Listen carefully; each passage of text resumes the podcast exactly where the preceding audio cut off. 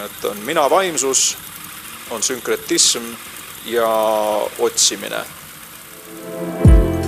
see on meie relv, sõna, kaheterane mõõk ja sõna peab olema meil nagu käes kogu aeg. tere tulemast kuulama järgmist episoodi.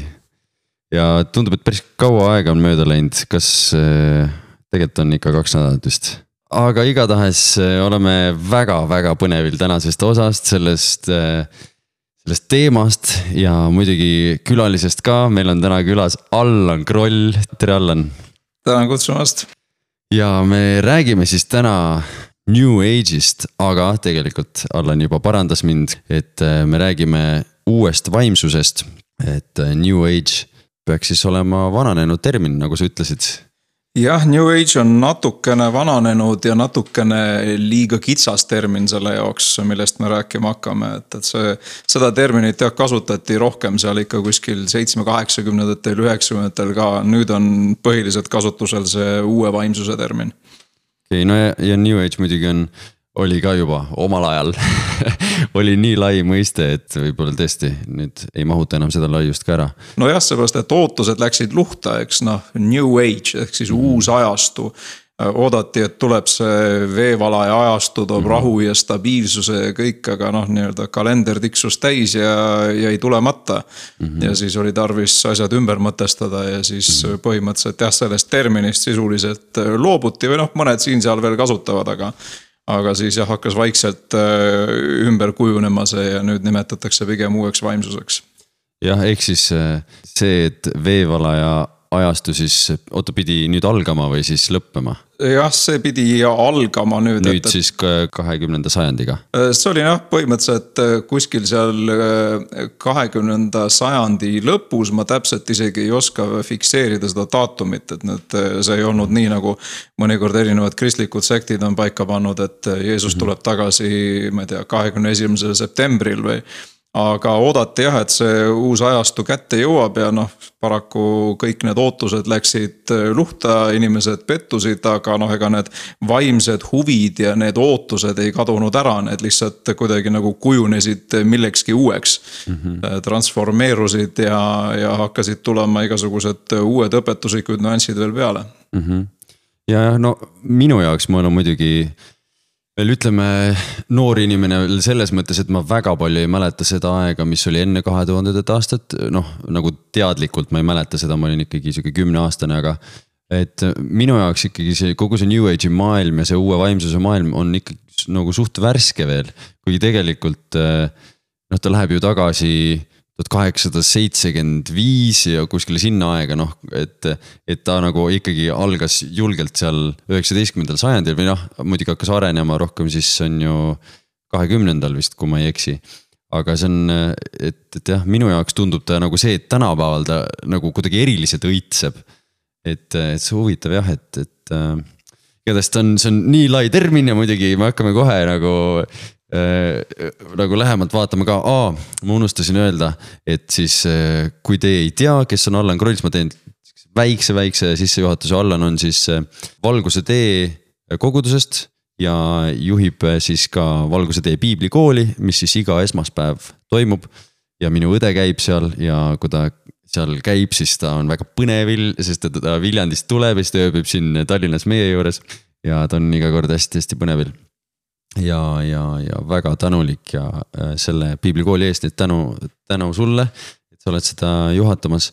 ja siis äh, metodisti ideoloogilises seminaris õpetad sa ka ja sinu siis üks õppeaine on siis uus vaimsus kahekümne esimese sajandi Eestis. ja lisaks sellele Allan on ka kaplan Tallinna vanglas. jah, vot, aga selle teema juurde siis äh, küsiks kõigepealt mis on uus vaimsus? uus vaimsus on selline, nimetatakse nagu katusterminiks, et ta tegelikult ei ole üks spetsiifiline religioon ja tegelikult suurem osa selle praktiseerijatest ei pea ennast üldse religioosseteks inimesteks, nad võivad öelda, et mul on vaimsed huvid. aga ma olen nii-öelda vaimne, aga mitte religioosne näiteks kui paljude käest neist küsitud on igasuguste sotsioloogiliste uurimuste käigus, et äh, et noh, kas te näiteks äh, peate omaks seda või teist äh, religiooni või kasvõi sedasama uut vaimsust, siis äh, huvitav on see, et paljud praktiseerijatest isegi seda terminit ei pruugi teada. aga kui hakata analüüsima kõiki neid uskumusi ja praktikaid, mis nende elus olemas on, siis ilmselgelt koorub välja see, et tegemist on uue vaimsuse praktiseerijaga et ta on selline salakaval asi, et ühelt poolt katustermin terve hulga erinevate vaimsete praktikate ja õpetuste jaoks. Äh, loomulikult ei moodusta ta mingisugust ühtset religiooni ega mingisugust ühtset organisatsiooni. Äh, nii et ta on selline äh, meelsus või vaimsus, mis levib ilma tavapärase religiooni nii-öelda selliseid raame kasutamata et ei ole nii, et meil on nüüd üks guru, tema tegi siis oma kiriku või koguduse või mingisuguse liikumise ja et me nüüd pöördusime sinna. et need on väga-väga äh, erinevad äh, praktikad, et noh, Eestis äh, võib näha, ma võin siin illustratiivseks statistikaks tuua ühe väikse rea, mis kirjeldab seda, mida usub, ütleme siis selline keskmine eestimaalane ja me näeme, kuivõrd äh, religioossed või siis vähemalt vaimsed meie mittereligioossuse üle uhked eestimaalased on. see oli aastal kaks tuhat viisteist korraldati sellist uurimust nagu elust, usust ja usuelust, on seda ka varem ja hiljem on korraldatud, aga mina kasutan selle statistikat.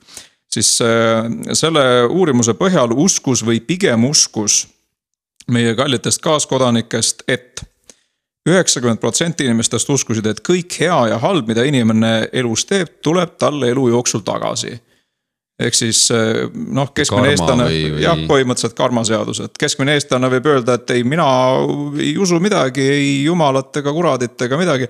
aga üheksa inimest kümnest usuvad, et eh, tegudel on tagajärjed ja selles elus peaks nagu tagasi tulema, ehk siis, aga miks kui me oleks põhimõttelised ate-, ateistid või materjalistid, siis ei ole ju ühtegi põhjust, miks peaks tulema.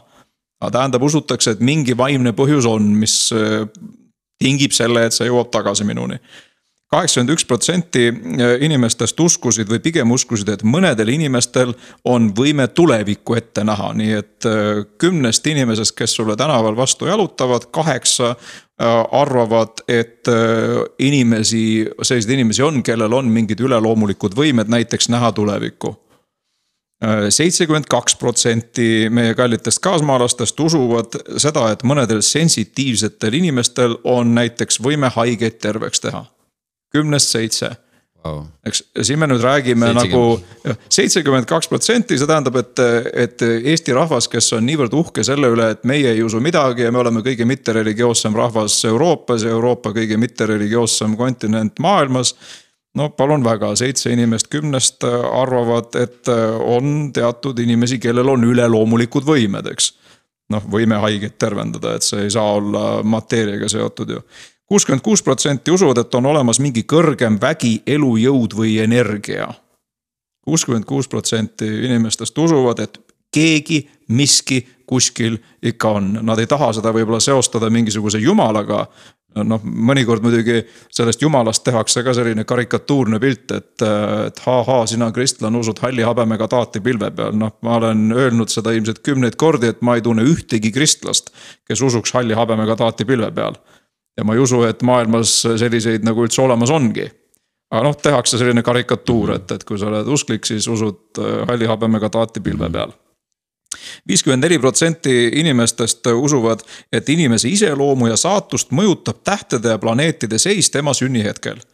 nii et julgelt üle poole usuvad astroloogiasse kui astronoomia on vägagi teaduslik, siis astroloogias ei ole midagi teaduslikku, aga pooled meie kallitest kaaskodanikest usuvad, enam kui pooled isegi. et äh, kui sa oled sündinud mingisuguse tähtkuju nii-öelda mõjusfääris või mõjuajal, siis see paneb paika sinu iseloomu, see paneb paika sinu saatuse iseenesest absurdne mõte, et, et noh, see inimene oli seal ema kõhus üheksa kuud enne seda, et miks need planeedid teda siis ei mõjutanud. et miks toimus näiteks minu puhul see taevane download kahekümne esimesel novembril tuhat üheksasada seitsekümmend kaks kell kümme viiskümmend hommikul. et äh, ma nagu enne seda siis ei omanud iseloomu ega midagi ja siis, kui siia sündisin, siis äkitselt toimus taevane download ja laeti alla kõik tulevik ja olevik ja iseloom ja kõik muu natuke veel, nelikümmend kuus protsenti usuvad vaimsesse enesearengusse ja teadlikesse enesesisendustesse, need on noh, sellised nii-öelda positiivsed afirmatsioonid mm, -hmm. et ma tunnistan, et olen selline, selline, selline. peaaegu pool usuvad vaimse enesearengu müüt on selline termin, mida kasutatakse selles erialakirjanduses. et see on üks äh, uut vaimsust äh, iseloomustav omadus, selline vaimse enesearengu müüt, et ma olen siin ilmas selleks et vaimselt edasi areneda ja kasvada läbi erinevate elude, erinevate kogemuste ja nii edasi nelikümmend viis protsenti usuvad, et inimese hing sünnib pärast surma siia maailma uuesti kellegi teisena. nii et reinkarnatsiooniõpetust, ligi pool Eesti wow. kodanikest usuvad, et reinkarnatsioon on täiesti adekvaatne õpetus. nojah nelikümmend protsenti usuvad, et maagiliste toimingutega saab mõjutada sündmusi ja teisi inimesi, et noh, ma võib-olla kõlan irooniliselt, aga et noh, kui mul on näiteks äh, mingisugune voodoo nukk sinust ja ma seda nööpnõeltega kodus torgin, et siis mhm. sul hakkab elus pahasti minema ja siis, kui ma tahan, et mul läheks hästi, siis ma panen endale rahakoti vahele kalasoomused ja ma ei tea, võtmehoidjaks jänesekäpa ja ja siis igaks juhuks äh, ei lase mustal kassil üle tee minna ja mida ja, iganes ja. veel. et noh, võib-olla natukene nii klišee, aga, aga noh, umbes selline on see, mida inimesed usuvad. kakskümmend kaheksa protsenti meie kallitest kaasmaalastest siis äh, omavad mingit talismani või tähenduslikku eset, mis neid kaitsev. või vähemalt ise nad usuvad seda. nii et äh, see on see rahvas, kelle keskel me elame need on need asjad, mida need inimesed usuvad, nii et, et noh, see mida me siit näeme, see on ilmselge ülevaade sellest, et selle uue vaimsuse mõju on levinud tohutult ja see on tegelikult sarnane praktiliselt igal pool läänemaailmas.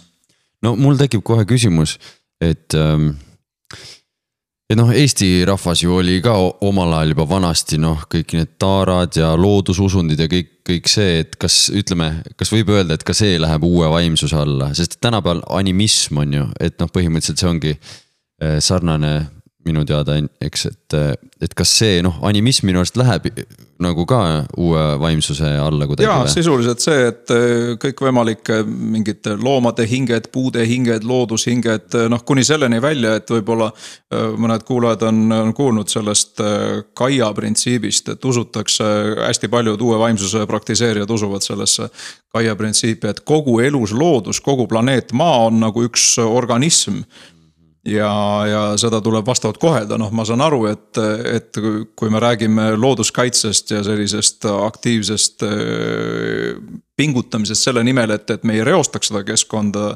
täiesti mm -hmm. nõus, iga kristlane peaks seda ka tegema ja aktsepteerima. aga noh, see arusaamine, et, et kõik ongi elus, kõik on mingi nii-öelda vaimne psühhofüüsiline nagu organism Äh, siia mahub sisse kogu see bukett, äh, animism ja igasugused šamanismid, äh, paganlikud praktikad ja nii edasi mm. -hmm. aga nagu, kas on midagi ka, mis siis seda kõike ühendab, ma mõtlen, et, et noh. siis, siis see ju muutub nii laiaks terminiks, et justkui nagu äh,. et kas on midagi, mis neid siis kõiki ühendab ka, mingi põhiolemus või? Ma loetlen siin mõned asjad, mida siis on nimetatud nagu sellisteks äh, kõige paremini iseloomustavateks äh, märksõnadeks uue vaimsuse puhul, mille noh, sisuliselt millega saab iseloomustada kogu seda vaimsust, kõike seda suurt nii-öelda katusterminit. et kõige esimene, mida äh, välja tuuakse, on selline asi nagu minavaimsus selline termin, minavaimsus, ehk siis keskne idee on selline vaimse enesearengu müüt ja noh, kui ma ütlen müüt, siis mitte mingisuguses negatiivses mõttes, aga noh, selline arusaamine, et, et mina olen siin selles elus. selleks, et areneda, kasvada, muutuda paremaks inimeseks. no loomulikult me võiks siia kõrvuti panna ka kristliku idee, et, et no aga me kristlastena ka tahame ju rohkem Jeesuse sarnaseks muutuda ja vaimselt kasvada.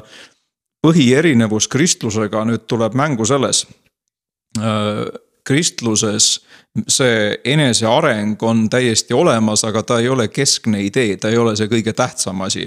kõige tähtsam on ikkagi suhe oma loojaga läbi Jeesuse Kristuse ja siis sellega kaasnev see isiksuse transformatsioon.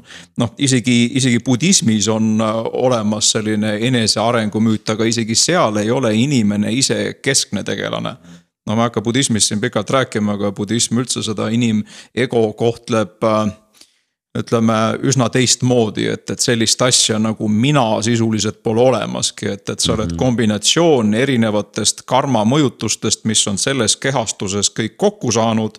surmahetkel nad nii-öelda lagunevad laiali -hmm. ja moodustuvad siis uuesti mingisugusel ajahetkel kuskil järgmises kohas. Et sellist asja, et nagu mingi püsiv hing rändab kehast kehasse, seal olemas ei olegi. hinduismis on, aga budismis ei ole nii et see keskne nii-öelda narratiiv on siis äh, see mina pean arenema, üks äh, selline inimene nagu Lea Altnurme, keda see teema huvitanud, huvitab, soovitan kindlasti teda lugeda, ta on selle teema üks äh, spetsialiste Eestis kohe kindlasti. Äh, Altnurme ütleb nii, et, et see on siis eneseteostuse idee sakraliseeritud vorm üldises individualiseerumisprotsessis, natukene keeruline sõnastus, aga ma püüan seda niimoodi tükeldada. eneseteostuse idee, noh tänapäeva maailmas äh, A ja O. Et ma tegelen enese leidmisega, eneseteostusega, enesearendamisega see on juba nagu fooniks olemas, et inimestel meeldib see, inimesed tahavad seda. ja nüüd tuleb siis see selline vaimne dimensioon sinna juurde ja ma kasutan sedasama vaimset dimensiooni selleks. et lihtsalt sakraliseeritud vormina, nagu Altnorme ütleb siis noh, nii-öelda vaimses või religioosses mõttes teha sedasama asja. nii et see mina vaimsus inimene on selle keskpunkt, mina liigun madalamalt arengutasemelt kõrgemale no näiteks ütleme, kui sina räägiksid uue vaimsuse esindajaga siis ütleks, et aga mina olen kristlane ja mina usun Jeesust, siis ta tõenäoliselt ütleks, et oo, väga tore, et äh, Jeesusel pole viga midagi mm. -hmm. aga et noh, meie oleme nagu kaugemale läinud sellega juba, me oleme nagu kõrgemal tasemel, et, et kristlus on selline madalama taseme religioon, meie oleme juba edasi arenenud et, et noh, sisuliselt sind koheldakse nagu no ma ei tea, kas nüüd päris keskaegset inimest, aga ütleme, et sa pole veel sinna tasemele jõudnud, kus meie juba oleme. ja seda ma olen täitsa nagu väga palju näinud ja noh ähm,, ka öeldakse, noh. Joba, me rääkisime sinu ühest sõbrannast, on ju, tema ütles, kes oli siis ka New Age'iga ilmselt selle uue vaimsusega seotud nagu enne, kui ta kristlaseks sai siis tema ütles täpselt sama asja, et, et kristlased on justkui kastis kinni, on ju, neil on mingi raamistik, on ju, aga meie ja noh. et, et meie justkui, meil on nagu nüüd laiem arusaam, parem arusaam. üks äh, väga lahe tüüp, äh, Steven Bankars, kes äh, oli ka väga, väga tuntud New Age'i autor, noor mees. aga nagu üks, ma ei tea, üks, üks väga-väga tuntud autor juba selles maailmas ja siis ja siis äh, tema, tema ka arvas, et ta läbi oma uuringute ja noh, et ta teadis nii palju rohkem kui kristlased, nii palju rohkem kogu sellest metafüüsikast, äh, igasugustest hüpnoosidest, igasugustest olekutest, asjadest nagu. aga mul lihtsalt tuli veel üks asi meelde, kasvõi see mõte, et tegelikult no tänapäeva nii-öelda, nii-öelda postkristlikus maailmas, ehk siis tähendab seda, et, et maailm, mis justkui nagu baseerub või, või püüab baseeruda kristlikele väärtustele, aga tegelikult ei soovi seda vaimsust, vaimsuse osa sinna taha, on ju, soovib olla ise. et nagu ma kuulsin just ühte podcast'i, John Mark Comeri podcast'i, siis tema ütleski, et, et see ongi selle äh, tänapäeva post kristliku maailma sisu, see, see religioon, see ülim väärtus, see, see taevas, mida üritatakse saavutada, ongi see, et sa, et mina olen see kõige olulisem ja äh, noh, see põhipoint ongi see, et mina leiaksin iseennast, on ju et see ja minu, minu jaoks ka samamoodi see nii palju kuvab läbi kogu sellest uue vaimsuse teemast, just et see mina, mina, mina. kõik need enesearengu programmid ja mis, mis noh, tundub ähm, sihuke, kohati läheb isegi sihuke ähm, äh,. nartsissismiks. nojah, või, või isegi nagu see äh,, ütle nüüd see noh, kristlus, noh, see prosperity gospel, noh, et sihuke mm, -hmm. nad nagu sinnakanti läheb täitsa või noh, et, et ongi, et sihuke. jah, ühesõnaga kogu see eneseareng, ma olen seda nii palju, nii palju näinud, et ja, ja kuulnud ümberringi, et. jah, aga loogiline on, et see on inimeste jaoks atraktiivne, kui vaimsus pakub sisuliselt sama toodet religioosses kastmes, sama toodet nagu ühiskond äh, valdavalt soovib ja väärtustab. et ei teki seda väärtuste konflikti või huvide konflikti nagu näiteks kristlusega. noh, kristlus on ikkagi parimal kujul alati olnud selline vastukultuur, et, et mm -hmm. noh, mina ütlen selle kohta tagurpidi kuningriik et mhm. Jeesus ütleb, et elu tahad äh, säästa ja päästa, pead selle kaotama, tahad ja, saada amen. ülespoole, teeni kõiki teisi ja nii edasi, nii edasi.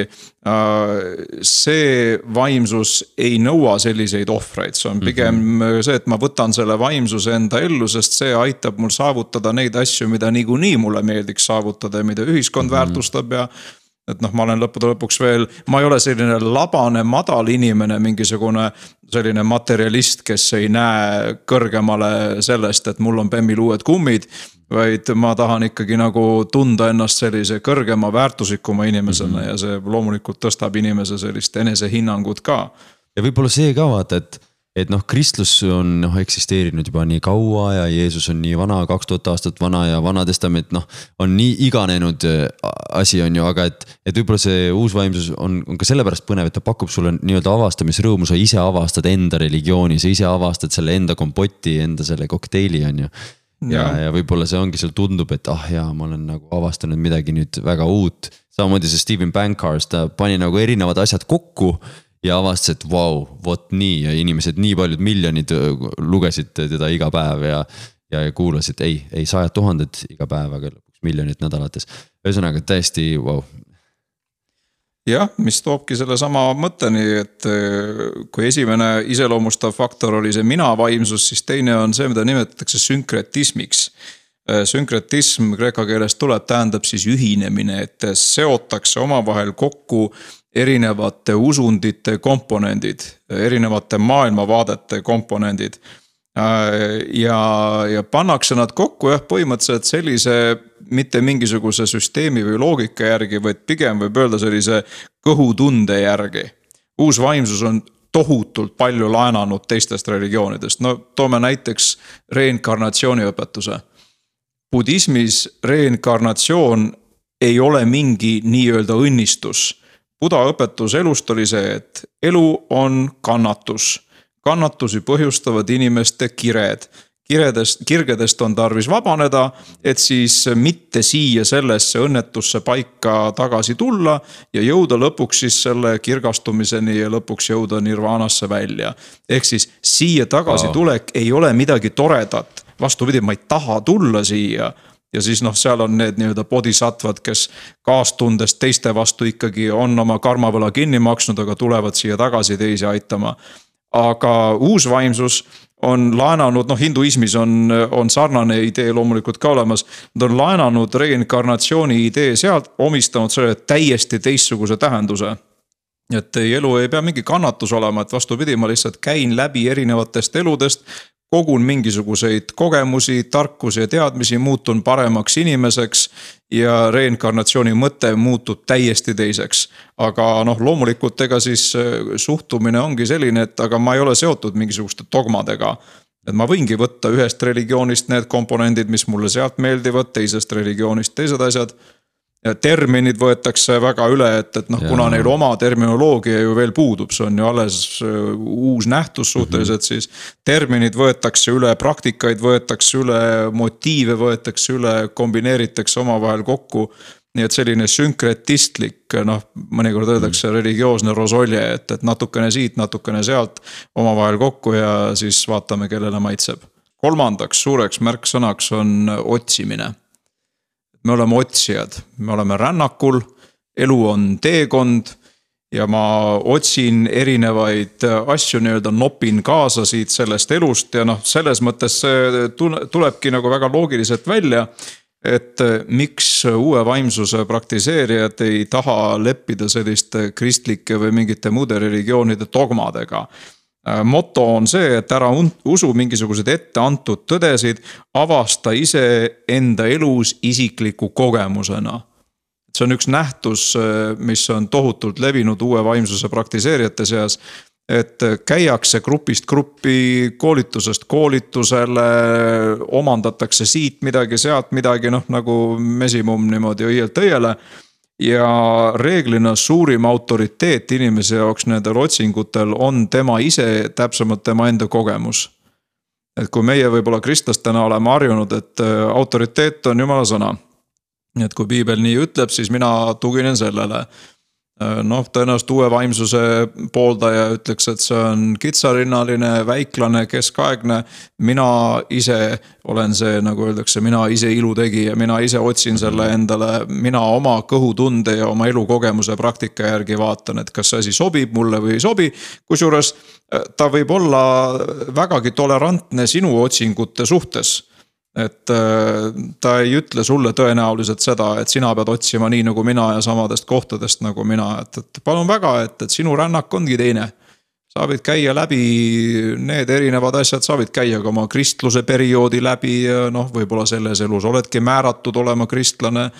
ja võib-olla järgmises elus jõuad siis mingile kõrgemale tasemele, et selline otsimise mentaliteet, otsijad kipuvad moodustama gruppe Need sarnased otsijad tulevad kokku, need äh, võivad olla sellised äh, mitte väga pikaajalised, et me mingi aeg käime koos nende ja nende inimestega. Nad on, äh, öeldakse nende kohta nii, et nad on individualistlikud. et mina ise ikkagi, ma, ma ei lähe sinna selleks, et muganduda, kohaneda, võtta omaks midagi, et mina lähen ise oma vajadustega noppima seda, mis mulle meeldib selles grupis nõrgalt struktureeritud, et seal ei ole tõenäoliselt sellist ühte autoriteetset isikut, kes ütleb, et nõnda uskuda ja teised uskumused hüljata. Äh, tolerantsed teiste suhtes. noh, kuna tolerantsus on tänapäeva maailmas ju see ülim voorus, siis otse loomulikult see peab ju kuidagimoodi kehastuma ka selles, selles vaimsuses. Öeldakse, et nad on sageli lühiealised noh, väga kaua koos ei käida, otsitakse kuskilt ja kui tundub, et noh, see see nii-öelda plats on siit nüüd tühjaks kaevatud, siit enam rohkem midagi ei leia, lähme edasi. Öeldakse, et nad on ebamääraste piiride ja pidevalt muutuvate uskumuste süsteemiga grupid et äh, tullakse, minnakse, natuke ollakse, ei ole sellist ühte kindlat, noh, ütleme nagu koguduses, meil on siin liikmeskond, meil on siin juhatus, meil on siin pastorid ja töötegijad. no sellist asja ilmselgelt ei ole. et me kuidagi moodustame mingisugused äh, grupid nendest otsijatest, aeg-ajalt saame kokku kuulame teineteise lugusid, usume, et, et mõnedel inimestel võib-olla on rohkem mingeid vaimseid võimeid kui mul ja ma siis lähen ja omandan need sealt. Loomulikult on suur mõju igasugustel gurudel ja meistritel ja õpetajatel ja tervendajatel ka, aga noh, nad ei ole selles mõttes nagu meil kristlastena ütleme pastori või mingisuguse piiskopi või kellegi sellise rolli kandjad on äh, sellised vaimsed ja, ja nii-öelda psühhoterapeutilised eneseabigrupid, nagu neid nimetatakse. et me oleme koos selleks, et me tahame mingist asjast terveks saada. see ei ole lihtsalt selline tugigrupp nagu ma ei tea, anonüümsed narkomaanid või anonüümsed alkohoolikud, äh, vaid see ongi vaimsetel otsingutel olevate inimeste eneseabigrupp ja mingi aeg käiakse koos, kui tundub, et sellel grupil enam midagi pakkuda ei ole, siis äh, minnakse edasi, nii et need kolm sellist põhilist äh, märksõna oleks, millega saaks äh, seda uut vaimsust iseloomustada. et on mina vaimsus, on sünkretism ja otsimine. Et ma saan aru, see on üldistus ja kindlasti võiks neid laiendada ja arendada veel, aga ma usun, et nende kolme sellise märksõna alla suurem osa nendest nähtustest mahuks. Wow.. Äh, ma mõtle, mõtlesin, et äh, ma tõmbaks võib-olla teemat väike tagasi just sinna kohta, et, äh, et noh, meil tulid mõisted välja nagu mingi esindajad, võtame sellest usust, sealt usust vähekene ja pöörame seda nagu omapidi ja oma nagu näo järgi. kuidas meile meelepärasem on, et aga kust see nagu alguse sai või kes sellele alguse pani, sest et äh, nii palju, kui mina olen aru saanud, siis New Age'il või uuel vaimsusel ei ole Äh, mingid konkreetsed esindajad nagu kristlus, äh, buda või äh, mis iganes, on ju. vaid et, aga kuskilt see ikkagi ju nagu see termin või see ideoloogia või arusaamine ju pidi sündima ja keegi pidi seda ju kuidagi tõlgendama maailmale, et, et kust see siis nagu alguse sai alguspunkti on selles mõttes natukene raske tuvastada, et nii nagu Joonas ütles, et äh, esimesed mõjutused või vähemalt mida nähakse esimeste mõjutustena olid kuskil juba üheksateistkümnenda sajandi keskpaigas ja teises pooles. kui tekkis selline õpetus nagu teosoofia. Et võib-olla mõned on kuulnud, võib-olla mõned mitte, selline Blavatskaja või Blavatski nimeline proua, kes tuli oma erinevate õpetuste, ideede ja nägemustega lagedale, nii et see teosoofia õpetus algas sealt kahekümnenda sajandi alguses tohutu huvi spiritismi ja parapsühholoogia vastu. Tohutult levis igas ilmakaares, asutati parapsühholoogia seltse ja nii edasi ja nii edasi ja nii edasi. Äh, siis ütleme noh, pärast äh, teist maailmasõda äh, mõnda aega oli pigem selline vaikus ja teine selline suurem tulemine oli, oli põhimõtteliselt seal seitsmekümnendatel aastatel koos hipiliikumisega ja siis kerkisid üles sellised isikud näiteks nagu New Age'i liikumises Shirley MacLaine Ameerikas on üks selline tuntud nimi olnud, võib-olla kui kunagi jõuan või mõned tema tsitaadid ka näiteks siin ette lugeda, et, et noh, see on äh, ütleme, et üsna omapärane lugemine, kui, kui vaadata, mida proua endast arvas ja, ja mida ta pidas ennast võimeliseks äh, tegema, et et äh, jah, ei saa öelda, et siin on üks rajaja, et kui me saame kristluse suhtes öelda, et, et Kristus rajas selle, islami suhtes saame öelda, budismi suhtes saame öelda. Äh, siis äh, uue vaimsuse või New Age'i puhul ei saa öelda, et see inimene on nüüd selle rajaja, on lihtsalt suured nii-öelda tuttavad gurud Äh, igasugused idamaised õpetused hakkasid muidugi sisse imbuma juba varem, noh põhimõtteliselt üheksateistkümnes sajand oli selline huvitav sajand, see oli suur maade avastamise, suur missiooni sajand.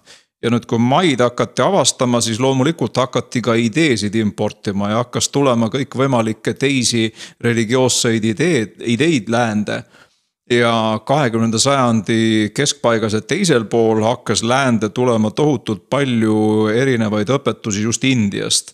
hakkasid tulema erinevad gurud, näiteks õpetati transcendentaalset meditatsiooni ja tohutult populaarseks muutus et see ühelt poolt on sellest ka ilmselt tingitud, et äh, inimesed, äh, nii nagu Joonas ütles, et inimesed olid äh, kristlusest nii-öelda tüdinud, et ah, see on see vana asi, meil on see juba kogu aeg olnud proovisime, ei ole enam huvitatud, otsime mujalt. ja sellised idamaised usundid said tohutult äh, populaarseks, aga noh, nagu Läänemaa maailma inimesele on omane paljud ei taha võtta üks-ühele vastu, et, et noh, tuleb näiteks, ma ei tea, Hare Krishna õpetus, no vot ei taha üks-ühele võtta, sest seal on üsna palju piiranguid ka, no näiteks seksuaalelu suhtes nagu natukene kasinasti esindatud ja. ja igasugused muud asjad, mis läänemaailma inimesele ilmselt ei meeldi ei tahetud puhast budismi sageli vastu võtta või hinduismi.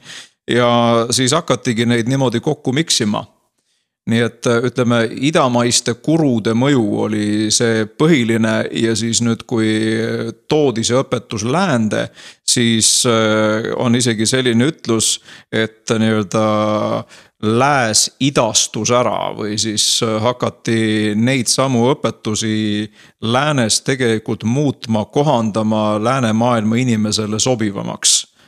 Nii et ei võetud neid ka seal puhtalt, puhtal kujul üle, et, et tehti samamoodi religioosset rosoljet, nii nagu teiste vaimsete õpetustegagi. okei okay., aga kas äh kas New Age'il kui sellel nagu universaalsel uskumisel, kas tal on nagu noh, Äh, me kuulsime jälle äh, alguses kohe sellest veevalaja aastast ja, ja nüüd noh, New Age siis äh, vahetati välja uue vaimsuse termini peale, et see nagu New Age ei töötanud siis on ju. Või tulnud välja sellest plaanidest, et, et mis selle nii-öelda algsed võib-olla eesmärgid, plaanid olid ja, ja mis võib-olla praegult nagu, mis siis praegult on või järk-järjelt on paljastunud siis või ilmsiks tulnud no üks äh, põhilistest ideedest on see, et ikkagi läänemaailm on oma religiooni ja oma ideoloogiaga, oma arenguga jõudnud pankrotti. Et see ei ole, nagu tänapäeval kasutatakse sellist populaarset terminit, see ei ole enam jätkusuutlik. nagu ma siin juba ütlesin, et proovisime, ei toiminud noh, postkristlik maailm, eks, et kunagi me elasime maailmas, kus sisuliselt kirik oligi võimul, kirikul olid kõik ressursid, kõik hoovad kiriku käes. Vaadake, mis sellest välja tuli ja siis noh, heidetakse ette kristlastele, et tuli inkvisitsioon ja tulid nõiaprotsessid ja sundkristjaniseerimine ja kõik muu jama. Et proovisime, ei toimi hästi nüüd on tarvis midagi sellist rahumeelsemat, inimesed olid noh, kui näiteks vaadata sõjajärgset ajastut. inimesed olid väsinud sõjast eks noh, kui esimeses maailmasõjas, mis seal hukkus seitseteist miljonit vist umbes, teises maailmasõjas seitsekümmend viis miljonit inimest. noh, jõledusi nähtud äh, selliseid, öeldakse, et kui üheksateistkümnes sajand oli selline optimismi sajand teadus areneb, maid avastatakse, koloniseeritakse, vallutatakse, missionärid lähevad igale poole, suudame kõike. siis äh, esimest nii-öelda hingekella andis esimene maailmasõda ja öeldakse, et see läänemaailma selline optimism iseenda sellise valgustusajastu nii-öelda progressi usu suhtes purunes täielikult äh, teise maailmasõja järel noh, sisuliselt esimene maailmasõda juba pani põhilise põntsu, aga teise maailmasõja järel ei jäänud midagi järgi. inimesed hakkavad otsima vastuseid kusagilt mujalt. ja loomulikult siis on atraktiivsed sellised religioonid, on näiteks nagu budism, et rõhutab rahu harmooniat. samamoodi ju nagu ligimese armastust, et äh, Jeesus ütleb oma kuldreeglis, et kõik, mis te tahate, et inimesed teile teeksid, tehke ka neile. Buda kuskil viissada aastat varem ütles ju sellesama põhimõtteliselt välja, ärge tehke teistele, mida te ei taha, et teile tehtakse nii et äh, nii-öelda me läheme nüüd edasi, me oleme selle kristliku eksperimendi läbinud, aga me tahame rahu, stabiilsust, me tahame religiooni. no hea näide, John Lennon, ma usun, et kõik on kuulnud vähemalt mingit klipikest sellest tema laulust Imagine.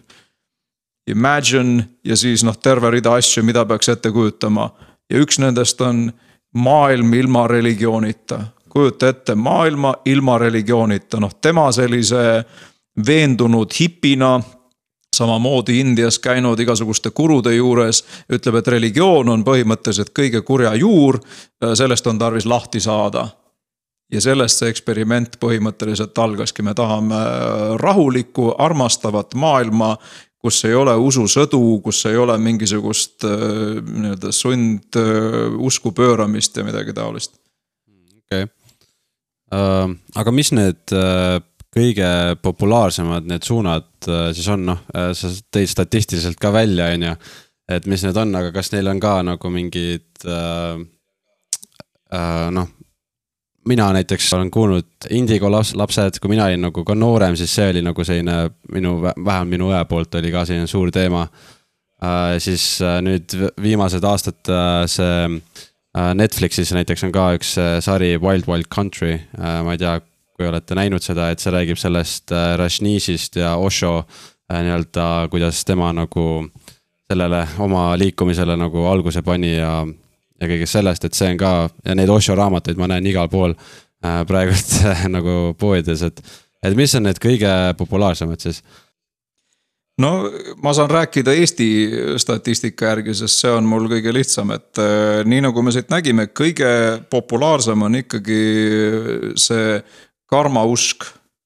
Et kõik, mis sa teed, tuleb tagasi, noh ühelt poolt ega kristlus ju õpetab ka, et mida külvad, seda lõikad, ei õpeta mitte seda, et, et ma siia tagasi tulen, uuesti sünnin ja mingit võlgu maksma hakkan. aga see on kõige levinum nii-öelda ideede poolest et äh, ma tahan teha asju, mis annaks mulle siis tulevikus nii-öelda hea karma. Äh, tohutult populaarne praktika on äh, loomulikult kõikvõimalikud tervendamispraktikad, igasugused reikid, igasugused äh, noh, nii-öelda mingite energiate ülekandmised. tšakrate puhastamised, kanaldamised ja nii edasi ja nii edasi. Äh, tohutult populaarne on igasugune inglite temaatika et see tundub, et on selline asi, kus äh, ühelt poolt võib öelda, et, et see nagu ohustab kristlust, sest noh, meie ju ka räägime inglitest ja mõni ütleb, et no väga tore, et sa usud inglitesse ja ma usun ka inglitesse, et meil on palju ühist natuke erinevad inglid. jah, natuke erinevad inglid, et, et need ei ole päris need, kellest me kristluses räägime. aga positiivne on see, et, et kui sa tahad kellegi inimesega jõuda mingisuguselegi jutule. siis noh, sa pead leidma mingisugused ühised teemad, millest saab üldse arendada, mina vanglas teen seda kogu aeg, praktiliselt iga päev et äh, ma räägin inimesega, kes võib-olla jumalast mitte midagi ei tea, alles esimesi samme teeb selles suunas noh, loomulikult, kui ma alustan sellest, et, et sa mitte midagi ei tea, sa millestki aru ei saa, sa oled kõik valesti elanud ja arvad ja usud valesti, siis ilmselt kaugele ei jõua. et me saame tegelikult kristlastena kasutada päris mitmeid nendest asjadest, mida uus vaimsus õpetab.